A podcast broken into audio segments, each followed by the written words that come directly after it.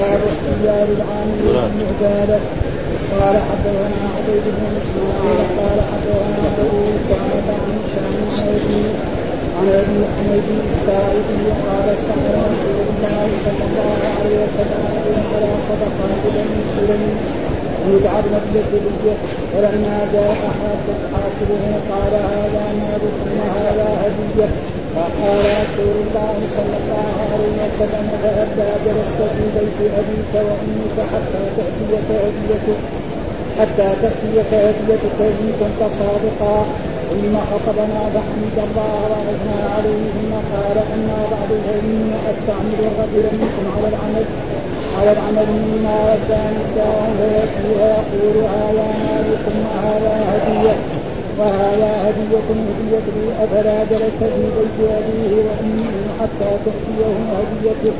والله لا يأخذ أحد منكم شيئا بغير حقه إلا لقي الله يحمله يوم القيامة. فلأعرفن أحدا منكم لقي الله يحمل بعيرا له أو بقرة لها خوار أو شاة تيعر ثم رفع يده حتى رؤي بياض يقول اللهم بلغت بصر عيني وسمع غني قال حدثنا أبو معين قال حدثنا سفيان عن إبراهيم بن ميسرة عن عمرو بن الشريف عن أبي رافع. قال قال النبي صلى الله عليه وسلم الدار أحق بصحبه. وقال بعض الناس إن اشترى دارا بعشرين الف درهم فلا بأس أن يحتال حتى يشتري الدار. حتى يشتري الدار بعشرين ألف درهم ويأخذه تسعة آلاف درهم وتسعمائة درهم وتسعة وتسعين ويأخذه دينارا بما بقي من العشرين الألف فإن طلب الشفيع أخذها بعشرين ألف درهم وإلا فلا سبيل له على الدار. فإن استحقت الدار رجع المشتري على البائع بما دفع إليه وهو تسعة آلاف درهم. وتسعمائة وتسعة وتسعون درهما ودينار لأن البيع حين استحق مطلق الصرف بالدينار فإن وجد بهذه الدار عيبا ولم تستحق فإنه يردها عليه فإنه يردها عليه بعشرين ألف درهم قال فأجاز هذا الخداع بين المسلمين فقال النبي صلى الله عليه وسلم بيع المسلم لا داء ولا خلفة ولا غائلة قال حدثنا مسدد قال حدثنا يحيى عن سفيان قال حدثني إبراهيم بن ميسرة عن عمرو بن الشريف أن أبا رافع ساوم سعد بن مالك من بيت بأربع من قال فقال لولا اني سمعت النبي صلى الله عليه وسلم يقول الجار احق بصفه مما أعطيتك.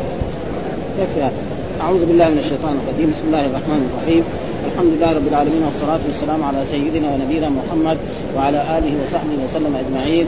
قال الإمام الحافظ محمد بن إسماعيل البخاري رحمه الله تعالى باب احتيال العامل ليهدى له. وهذا آخر باب في باب إيه؟ كتاب الاحتيال وذكر فيها جملة من الأبواب وجملة من الأحاديث.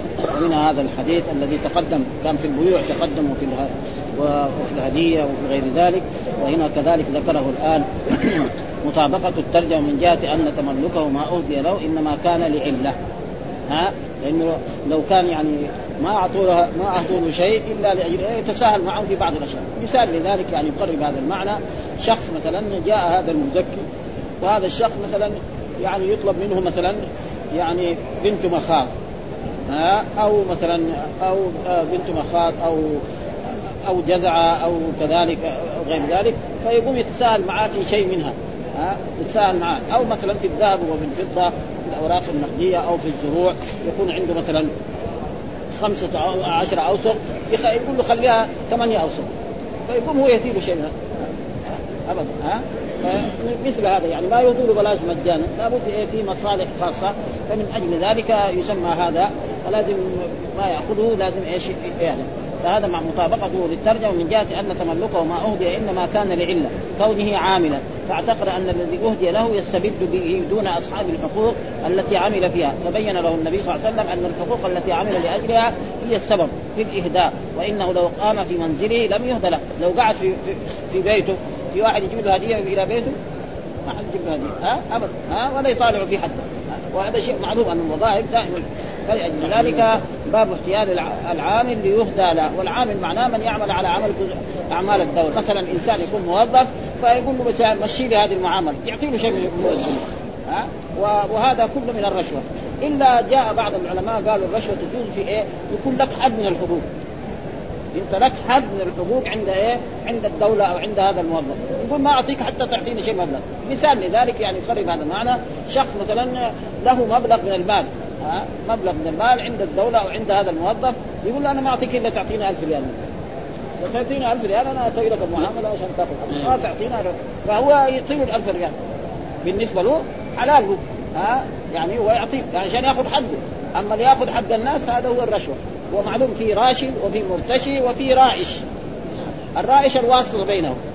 ها اللي يدخل بينهم يروح يقول له يكلمه يقول له مشي المعاملة هذه عشان فهذا كله لا يصح. وتقدم لنا مثل هذه الأبواب في إيه؟ في أبواب سبقت ولكن هنا المراد به هذا. ها؟ يقول فلا ينبغي أن له أن يستحلها بمجرد كونها وصلت إليه عن طريق الهدية فإن ذلك مما يكون حيث يتمحض له الحق. وقوله بصر عيني وسمع اذني يعني معناه إني أنا متأكد يعني الرسول لما تكلم بهذا الحديث ودعا على هذا الشخص أنا إيه عيني تنظر إلى رسول الله صلى الله عليه وسلم واذني تسمع. يعني تأكيد مو مثلا أنا كنت نايم أو كنت عسال أو أخبرني شخص ما. هذا المقصود بهذا. هذا المقصود يعني يؤكد بإيه؟ أنه لما الرسول تكلم بهذا ودعا على هذا ورفع يديه ودعا كان هو يبصر الرسول صلى الله عليه وسلم وكذلك أذنه سمعت. فهذا كثير إيه للتأكيد. إنه ما كان هو ساهي ولا كان نائم ولا كان مثلا هذا. فيقول في هذا الحديث حدثنا عبيد الله بن إسماعيل حدثنا أبو أسامة عن هشام عن أبي عن عن أبي حميد الساعدي قال قال استعمل رسول الله صلى الله عليه وسلم رجلا على صدقات بني سليم يدعى ابن اللتبيه فلما جاء حاسبه قال هذا مالكم وهذا هدية. فقال فهلا جلست في بيت أبيك وأمك حتى تأتيك هديتك؟ إن كنت صادق. ثم خطبنا فحمد الله وأثنى عليه ثم قال أما بعد فإني أستعمل الرجل منكم على العمل مما ولاني الله فيأتي فيقول هذا مالكم وهذا هدية أهديت به. فلا أفلا جلس في بيت أبيه وأمه حتى تأتيه هديته؟ والله لا يأخذ أحد منكم شيئا بغير حق إلا لقي الله يحمله يوم القيامة.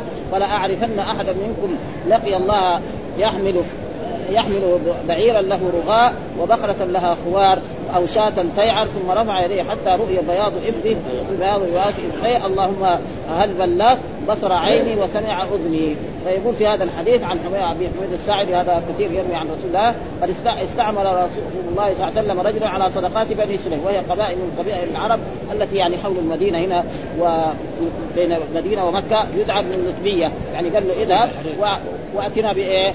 بزكاتهم. ها سواء كانت زكاة إبل أو بقر أو غنم أو أو غير ذلك من الآن. فذهب هذا الرجل وأتى بالصدقات هذه فلما جاء حاسب الرسول. إيش اعطيت؟ قال له كذا من الإبل كذا من الغنم كذا كذا. ها فقال هذا مال. هذا لكم إذا ارسلتوني وهذا أهدي لي. ها ولا يجوز الهدية للحكام. ها القضاة والامراء وكلهم دول لا يجوز. الهدية تهاد تحاب فيما بين المسلمين بعضهم لبعض رجل ليس له له أمير ولا حاكم يعني صديقا له. إلا القضاة إذا كان مثلا زميل له ها؟ أو سهرا له أو قريب ابن عمه هذا يهدي له ما في شيء أما عشان يقاضي يهدى لا لا. أمير يهدى لا هذا كله من الرشوة. فلا يجوز هدية للحكام ابدا ايا كان. أما شخص مثلا بينه وبين هذا القاضي صداقة من قديم الزمان هم صغار أو مثلا آه، بينهم سهاره أقرباء لبعض أو غير ذلك فهذا لا بأس. وأما الهدية للحكام فهذا هو الرشوة ولا يجوز ذلك قال هذا مالكم وهذا هدية. فقال فهلا جلست في بيت أبيك؟ يعني لو جلست في بيت أبيك هل واحد يقدم له هدية؟ ام جاء ولا يطالع في وجه حد ولا ينظر إليه ها الحاكم دائما الوظائف يعني لها مكانتها. فإذا خرج من الوظيفة يمكن حتى إذا كان يسلم عليه ما يسلم عليه. يعني شيء واحد رأينا يعني نحن مر علينا كثير في هذه يعني كل موظف فالناس دائما بيته يجي. لو ترك الوظيفة ولا أحد يطالع. قد مر علينا رجل من أهل البلاد هنا كان رئيس يعني كان الناس بيته يعني زي مثل مثل المسجد بين المغرب والعشاء من العصر. ولما ترك الوظيفة ولا أحد يجي شوية في واحدة وظيفة وهي التعليم. هذه يمكن لها بعض المكان. ها يعني قديما ودحين لا يمكن قلت كمان. هذا انه المدرس ما هو قدر كذا ها؟ وإلا يعني المدرس هو يمكن يعني له مكانته عند طلبته وعند أقاربه ها؟ لأنه ما, ما هناك شيء. وأما الباقيين الوظائف الثانية كلها ها؟ إذا لو أمير واحد يطالع فيها ها؟ ها؟ ما دام هو في الوظيفة له مكانته وله صفته ولا ها؟ ولذلك الرسول أنكر عليه ثم بعد ذلك الرسول خطبنا فحمد الله وأثنى عليه. يعني بعد أن حمد الله وأثنى على ابنه آدم قال أما بعد فإني أستعمل الرجل يعني أجعله يعني يقوم بإيه؟ بجبايه الدفاع أو أميرا أو حاكم آه منكم على العمل مما ولاني الله فيأتي فيقول هذا مالكم وهذا هدية اهديت لي أفلا جلس فيه يعني هلا أفلا هدية؟ حرف تحضير أو حرف تنبيه؟ ليت أبيه حتى ياتيه هديه والله لا يأخذ أحد منكم شيئا إلا لقي الله يحمله يوم القيامة. ولا أعرفن احدا منكم لقي الله يحمل بعيرا له رغاء. يعني إذا اهدي له واخذ شيء بعيرا له له رغاء. إيش الرغاء؟ صوت البعير. صوت البعير له رغاء يعني يوم القيامة. وهذه الفضيحة كل الفضيحة متى يوم القيامة. الفضائح في الدنيا تزول. صح. أو بقرة له قوات. فيقول يا هذا لكم وهذا فلا جلس في بيت. فيكون إيه؟ يحمل بعيرا له رغاء. الرغاء صوت البعير. ومعروف يعرف العرب هذا. أو بقرة لها خوار الصوت الذي يظهر من من البقر إيه؟ يسمى خوار ها؟ والشاة الصوت الذي يخرج من الشاة يسمى هذه شاة تيعر. ها؟ فيجي حامل على على ظهره أو على كتفيه. ويبان إنه هذا كان إيه؟ يعني غل وأخذ شيء من الغنائم أو أخذ شيء من, من هذا. ثم رفع الرسول يديه حتى رؤي بياض إبطيه. وفي رواية رؤي بياض إبطيه. عندكم ابطي ولا ابطي؟ أنا عندي ابطي بس ها؟ ابطي ها؟ ها؟ حتى رؤي بياض ابطه إيه إيه ها؟ ابطه إيه ابطه يعني ها؟ واحد. إذا دعا الاثنين لازم يروح هذا وهذا إذا كان لابس إيه ها؟ إيه إيه إيه إيه بس هو كده مكتوب يعني يده ها؟ لا هنا يديه. عندي يده لا نحن يديه ها؟ رفع يده حتى رؤى. يديه اثنين. بس العبط هنا بس نحن إيش؟ عشان صحيح. عندكم غلط ما في يعني كله ما إيه لأنه رفع يديه حتى بس يعني ما يعني ما نقدر فقال اللهم هل بلغ بصر عيني وسمع ففهم من ذلك أن الحكام ومر علينا مسألة واحدة في أن قبول الهدية لشخص ما. آه للحاكم. إيه. لشخص وهو حاكم وهو معاذ. معاذ بن جبل فإنه لما كان معاذ بن جبل رجل كان كريم في المدينة هنا وكان ينفق جميع ماله. فلما كثر منه ذلك اشتكى أصحاب الدين إلى رسول الله صلى الله عليه وسلم فالرسول حجر على ماله وباع ذلك المال وأعطى كل إنسان حقه. ها؟ ومعلوم لهم أسوة الغلماء مثلا له عشرة الرسول يعطي له ثمانية. ثم بعد ذلك الرسول بعث معاذا إلى اليمن. ومر علينا كان في بعض هذا في في ترجمة معاذ بن جبل. في يعني في الإصابة. يعني أرسله إلى اليمن ورخص له بقبول الهدية. وهذا أشكل علينا جدا يعني. كيف الرسول يرخص لمعاذ بقبول الهدية مع أنه هو ذهب إلى اليمن حاكما ومعلما اثنين مع بعض. وأشكل علينا جدا ثم بعد ذلك فتشنا بعد ما بحثنا مع الإخوان مع طلبة العلم مع وإذا به واحد من إخواننا قال ما تشوفوا ترجمته في إيه؟ في الإصابة. اصابه يترجم للصحابة. وذكر عنه هذه القصة وقال انه الرسول لما باع له جميع ماله وصار ما عنده شيء وهو رجل كريم رخص له وقال وعاد من اليمن ومعه ثلاثين راسا. ها؟ يعني من البقر. ها؟ وعاد من اليمن وله ثلاثين. ولا نعرف شخص من الحكام رخص له رسول الله صلى الله عليه وسلم أن يأخذ الهدية وهو حاكم إلا هذا. ومع ذلك فيها كلام. لأن هي في إيه؟ يعني ما هذا. ما في أحاديث؟ ها؟ لكن حاكم برضه ف... فلذلك يعني فيها ما فيها تقريبا ما في غير هذا. ها؟ وحتى يعني المعلم إذا كان مثلا في عصرنا هذا في عصرنا هذا بياخذ رواتب من الدولة. ما يبغى ياخذ هذه. أيوه خلاص ها؟ ها؟ يعني العصر الآن المدرسين اللي في الجامعات نعم مدرس يدرس القرآن لطلاب صغار في مسجد أو في هذا. هذول ياخذ. هذا له أن ياخذ. إنه فقير هذا. إذا واحد ما ياخذ راتب من الدولة. إيه إلى هذول يمكن. هذول يمكن. وأما الجماعة الثانيين المدرسين اللي يدرسوا في المدارس الابتدائية والثانوية والجامعات هذول ما هم الناس أغنياء. ولا يجيب لهم لا هدية ولا شفاعه ليش؟ يعني إذا هذا يعني احترم ويكون يعني ابدا. فبيسا قال اللهم هل بلغ وهذا دليل على أنه لا يجوز للحامل أن يأخذ هدية أو أجر. فيكون إيه ممن ارتشى ومعلوم أن الرشوه لعن الله الراشي ها والمرتشي. وفي رواية كذلك والرائش الواسطة بينهم الذي يدخل بين هذا وهذا حتى إيه ففهم من ذلك أنه لا يصح لإيه لهذا. وهذا ال ال ال يعني الحديث تقدم بالبيوع وفي غير ذلك إلى هذا. قال حيلة العامل ليهدى له تقع آه، آه، تقع بأن يسامح بعض من عليه الحق. ولذلك قال هلا جلس في بيت. يعني واحد يكون عليه مبلغ مثلا آه. مثلا عليه بنت مخاض فيقوم يأخذ منه يقول له خليها 20 ناخذ منها أربع أشياء. مثلا ها يا عليه مثلا بنت مخاض ينقصها شوية يأخذ منه آه آه أقل من ذلك.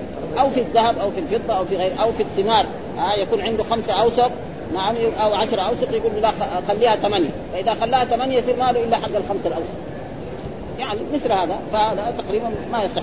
إنه بيضيع حق إيه؟ حق الفقراء آه، آه. ثم ذكر الحديث الثاني قال حدثنا حدثنا أبو نعيم حدثنا سفيان عن إبراهيم بن ميسر عن عمرو بن الشريد عن أبي رافع قال قال النبي صلى الله عليه وسلم الجار أحق بسقمه. وقال بعض الناس ان اشترى دارا بعشرين ألف درهم فلا بأس أن يحتال حتى يشتري الدار بعشرين ألف درهم آه، وينقذه تسعة آلاف درهم وتسعمائة درهم وتسعة وتسعين وينقل دينارا بما بقي من العشرين ألف. فإن طلب الشفيع أخذها بعشرين ألف درهم وإلا فلا سبيل له على الدار. فإن استحقت الدار رجع المشتري على البائع بما دفع إليه وهو تسعة آلاف درهم وتسعمائة وتسعون درهما دينارا لأن لأن البيع حين استحق انتقص الصرف ها فإن وجد بهذه الدار عيبا ولم تستحق فإنه يزيدها يردها عليه بعشرين ألف. قال فأجاز هذا الخداع بين المسلمين وقال النبي صلى الله عليه وسلم بيع المسلم لا داء ولا خبثة ولا غائلة. بكسر الخاء. خبثة. إيه إيه خبثة. شكلها هو فيها. فيقول في هذا الباب هذا إيه؟ على إسقاط الشبهة، يعني الاحتيال على إسقاط الشبهة. يعني هذا إيش الحديث عشان يثبت أن هناك ناس من من العلماء يعني يساووا حيلة لإسقاط لأن الشبهة إيه؟ كل إنسان شريك في دار أو في أرض لم تقسم وأراد أن يبيع لازم إيه؟ يروح للشركاء. يقول لهم ترى أنا بدي أبيع.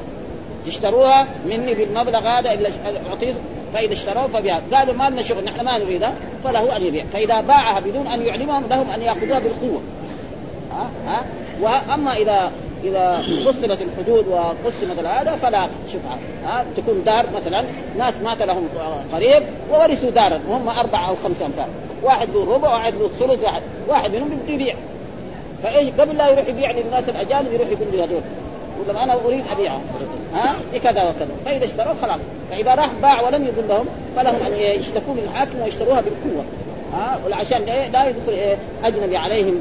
ويصير مشاغبات وهذا معناه على اسقاط الشفعه يعني إيه؟ احتيال على حتى وقال الجار أحق بسقمه، إيش معنى سقمه؟ معناه يعني الشيء الذي يملكه الآخر آه يعني بالشفعه، وقال بعض الناس، إيش بعض الناس يريد مثلا؟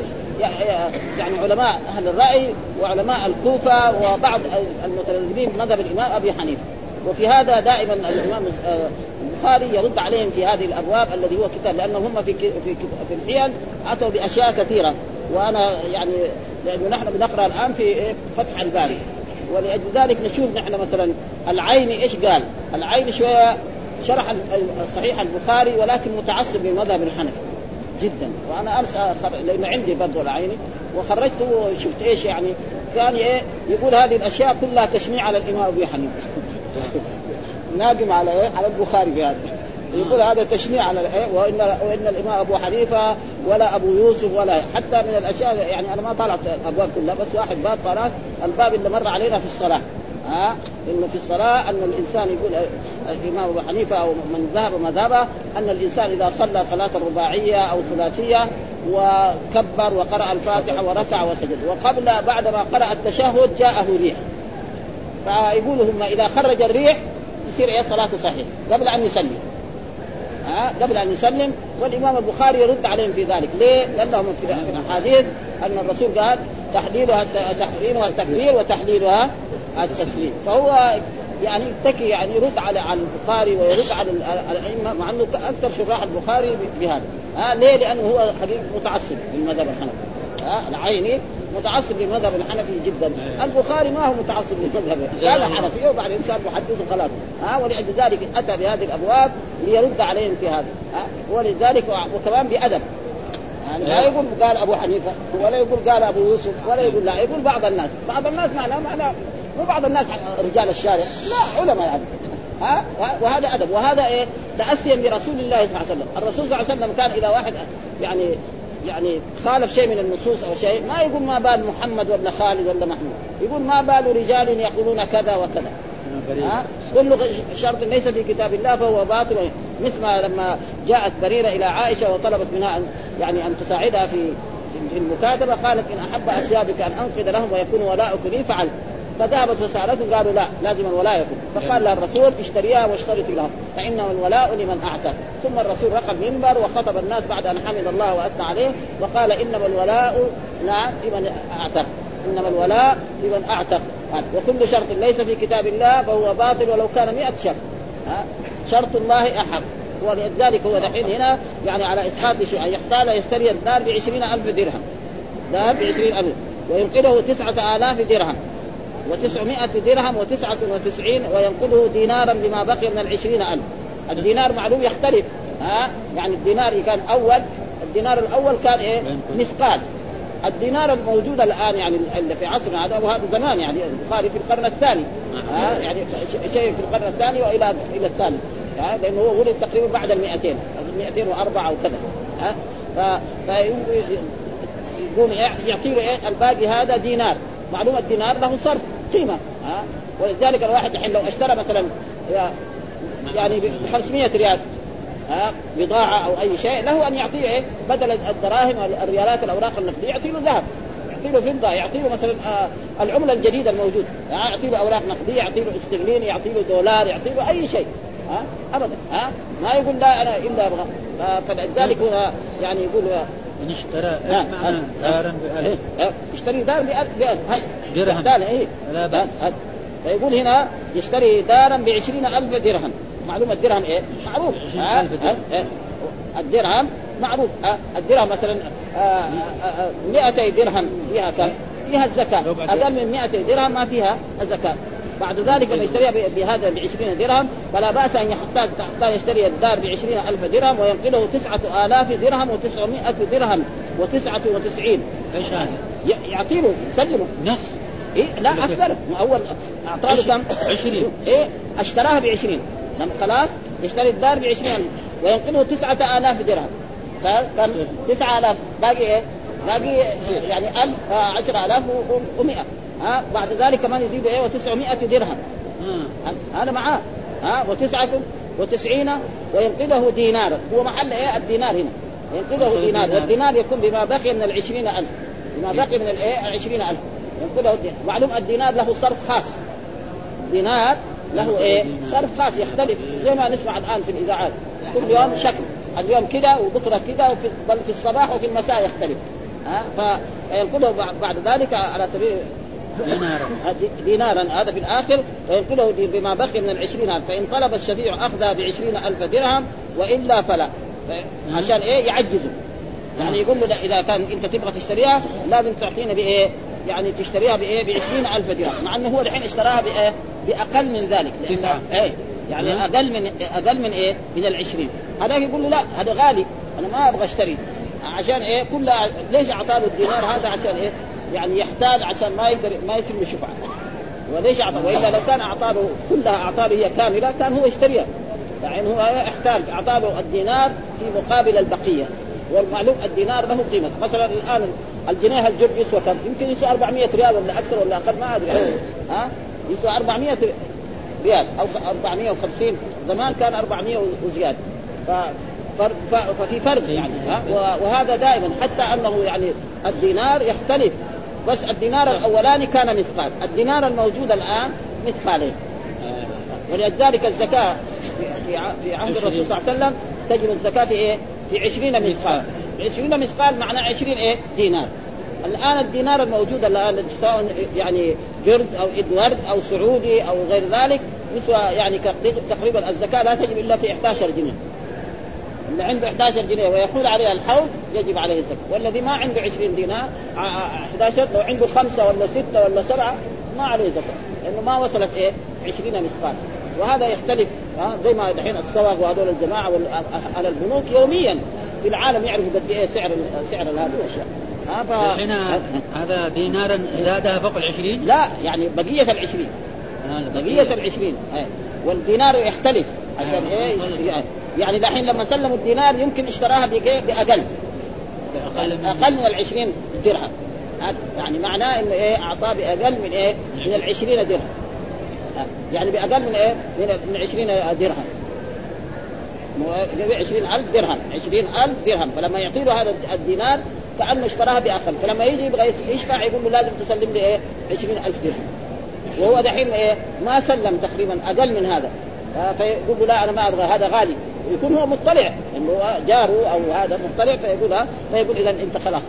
آه، عشان يسقط الشبهة فهذا تقريبا يعني هذا. لأن البيع آه، ها فيقول على البائع بما دفع إليه وهو 9000 درهم و999 درهما. لأن البيع حين استحق انت- انتقض آه، الصرف في الدار. آه، الصرف في الدار فإن وجد بهذه الدار عيبا ثم كمان دخل مسألة ثانية. فإن وجد الدار عيبا يعني بعد ما اشتراها ولم تستحق فإنه يرد عليه بعشرين ألف. يعني مثلا بعد ما اشترى هذه الدار وهذا راح وجد فيها عيب من العيوب. ها كما يحصل في هذا. فقال فأجاز هذا الخداع بين المسلمين. يعني لازم يرد له 20 مع إنه هو لما اشتراها كان إيه أقل من هذا. أقل من هذا لما أخذ الدينار كان إيه أقل من إيه من العشرين ألف. أقل من العشرين لأن الدينار لما يحطه على البقية يصير كأنه اشتراها يمكن مثلا يعني ب 19 و700 درهم أو 800 درهم يعني على كل حال في نقص لكن النقص قد إيه هذا ما بين يعني. فيقول له وإذا صار فيها عيب يبغى يردها يقول له لا آه، أنا ارد لك إيه؟ 20 لازم ترد فيه لم يستحق فإنه يرد عليه بعشرين فأجاز هذا الخداع بين المسلمين وقال النبي صلى الله عليه وسلم بيع المسلم ها لا داء ولا آه، خبثة ولا غائلة خبثة. آه، آه، خبثة ب- ب- ولا ب- غائلة. ب-.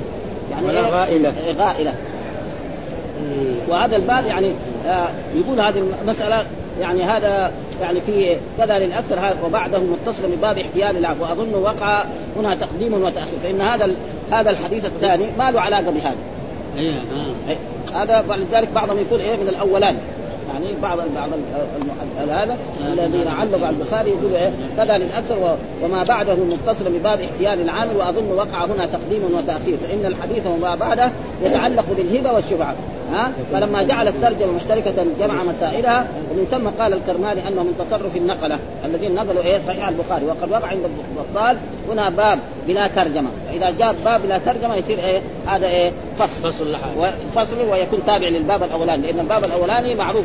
هذا يعني تقريبا آه باب في الهبة والشفعه أو إن قبل باب ما يكره من الاحياء آه آه يكون إيه يعني له علاقة بما بما تقدم. وعلى هذا فلا إشكال لأنه حينئذ كالفصل من باب ويحتمل أن يكون في الأصل بعد قصة من باب. بلا ترجمة فسقطت الترجمة فقط أو أو أو بيض لها في الاصل يعني الإمام البخاري بيض لها ويبغى يحط حديث أو هذا وما حط.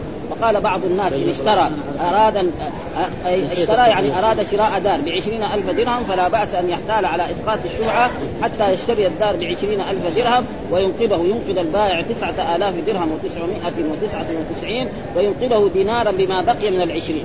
وهذا الدينار يكون إيه؟ قيمته أقل من الإيه؟ من العشرين ألف. أقل من هذا؟ ولما يجي بعدين يبغى يشفع يقول له لا لازم تسلمني عشرين ألف درهم. مع إنه هو دحين لازم يأخذ إيه؟ أقل. ها؟ يعني هو صارت الدار استنى عليه بأقل من ذلك. ها؟ قال لسقوط الشفعه لكنه امتنع من بدل الثمن الذي وقع به العقد. وقوله فإن استحقت الدار برصد مجهول أي ظهرت مستحقة لغير الباع رجع المشتري على البائع بما دفع عليه وهو تسعة آلاف. ها؟ لكون لكون القدر الذي تسلمه منه ولا يرجع عليه بما هو بالعقد لأن المبيع حين استحق لغير انتقص الصرف انتقص الصرف الذي وقع بين إيه؟ البائع والمشتري في الدار المذكورة بالدينار. ها لأن الصرف يختلف لأن الدينار اليوم يكون سعره كذا بكرة يصير سعره كذا وهذا شيء معروف. زي ما نسمع دحين في الإذاعات يوميا ها بعض الإذاعات يبين إيه؟ يعني العملات كلها وهنا في الصحف كذلك.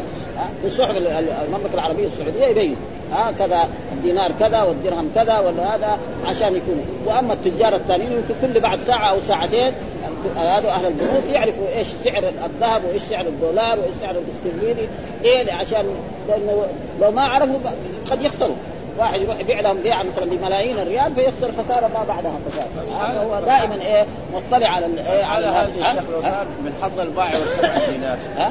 لو صار من حظ البائع والسبع دينار إيه؟ يعني إيه؟ إذا- نصيبه. إذا كان إذا كان مثلا أخذ باع كيف؟ بعد ما باع ما في شيء. يعني مثلا واحد راح صرف دي- دينار ب 400 ريال وبعد يومين صار ب 500 ما خلاص حقه يعني. لأنه هذا هذا زي التجارة. كثير حتى البضاعة يشتري بضاعة ب 10 بعدين ثاني يوم تصير ب 20 فهو يبيعها ما في شيء. ها؟ لكن هذا بس عشان الاحتيال عشان إيه؟ قال فأجاز هذا المخادع بين المسلمين والفرق عندهم أن البيع في الأول كان مبنيا على شراء الذات وهو منفسخ ويلزم ويلزم عدم التقابض بالمجلس فليس له أن يأخذ إلا ما أعطاه وهو الدراهم والدينار. بخلاف الرد بالعين فإن البيع صحيح وإنما ينفسخ باختيار باختيار المشتري وأما بيع الصرف فأنه وقع صحيحا فلا يلزم من فسخ هذا بطلان ومعلوم أن الرسول قال إذا يعني يعني الذهب بالذهب والفضة بالفضة والبر بالبر والتمر بالتمر والشعير بالشعير والملح بالملح مثلا بمثل فمن زاد أو استزاد فقد أربح فإذا اختلفت هذه الأجناس فبيعوا كيف شئتم إذا كان يدا بيد مثلا واحد عنده الآن جنيه قال أنا ما أبيعه إلا بألف ريال. إذا الناس أرادوا يشتروا ها؟ كيف؟ ها؟ ابدا. لكن يعطي له مثلا جنيه غالي الثمن مثلا في أحسنهم الآن يعني يمكن الجنيه السعودي وال- وال- والجرم هذا يقول له لا أنا أعطيك مثلا اللي أقل منه أبو بنت وازيدك خمسة ريال هذا هو الربا ها لازم إيه؟ وهذا حتى في إيه في الأشياء الثانية في البر وفي الذهب مثلا التمر في تمر يسوى إيه؟ صاعه 50 ريال العجوة وفي تمر يسوى صاعه ريال الحليه ولا هذا الخربان هذا إيه ها؟ ها؟ ها؟ كيلو ب 50 ريال إيه كيلو ب 50 ريال كيلو ب 50 ريال ها؟ فيعطي له كيلو ب 50 ريال ويأخذ كيلو أبو ريال الطريقة السليمة يبيع هذا ويشتري هذا ها؟ زي ما سأل آه، يعني آه، آه، يعني عمار لما ولا أبو هريرة لما ذهب إلى بلال. خيبر بلال. آه، بلال بلال. لما ذهب إلى خيبر و وباع فكان يبيع الردي خمسة اصواع مثلا بالجيد ها فقال له الرسول إيه كذا قال آه يعني قال له كل تمر آه خيبر كذا جنيب يعني طيب قال له لا كنا نبيع الردي خمسة اصواع بواحد من الساعة قال له لا أنت وقعت في عين الربا ها. يبيع الردي بإيه؟ بالدراهم. واشتري بالدراهم جنيبا. جنيب هذا ها؟ وهذا كثير ناس بيقعوا فيه. ها؟ مثلا ال- البر يختلف. ها؟ التمر يختلف. أشياء كلها. وإذا اختلفت الأجناس فبيعوا كيف شئتم إذا كان يدا بيد ولذلك يعني مثلا ال- الربا في آخر الزمان لازم الناس يقعوا في إيه؟ في الربا. وإذا ما وقع في الربا يقع يعني يجيب غبار الربا. غباري أه؟ ابدا يعني ولذلك الآن يعني كل هذه الأشياء اللي يستعملوها زي البنوك وهذا كلها يشتغلوا في الربا؟ يدين 10 ياخذ بعدين 11 يقول لك طيب إحنا كيف فإذا كان لازم كمان يجي واحد كمان شايف فرصه يقول لك لا هذه البنوك سكوها كلها. ما يمكن. هذه لها مصالح. واحد يبغى يسافر إلى بلد ما فكان لازم تجعل بنوك إسلامية. مصالح إسلامية يسووها كذا كمان. مثلا آه واحد يبغى يبني ولا شيء يشتروا له الأدوات حقت البناء ويبيعوها عليه. مثلا يبغى يبني عمارة آه يشتروا له ال- الإسمنت والحديد. لما يشتروا الإسمنت مثلا ب 11 ريال يبيعوه ب 12 ريال. تمام؟ ها وي- ويبني. وبعدين ياخذوا منه كل شهر أو كل سنة. آه، فكان يقع.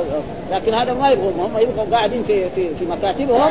ويجوا الناس يتدينوا ويسلموا ثم يحتالوا كمان. على ما يقولوا الناس إنهم يحتالوا. مثلا يأخذ 10000 ريال يكتبوها في الأوراق يعني تسعة.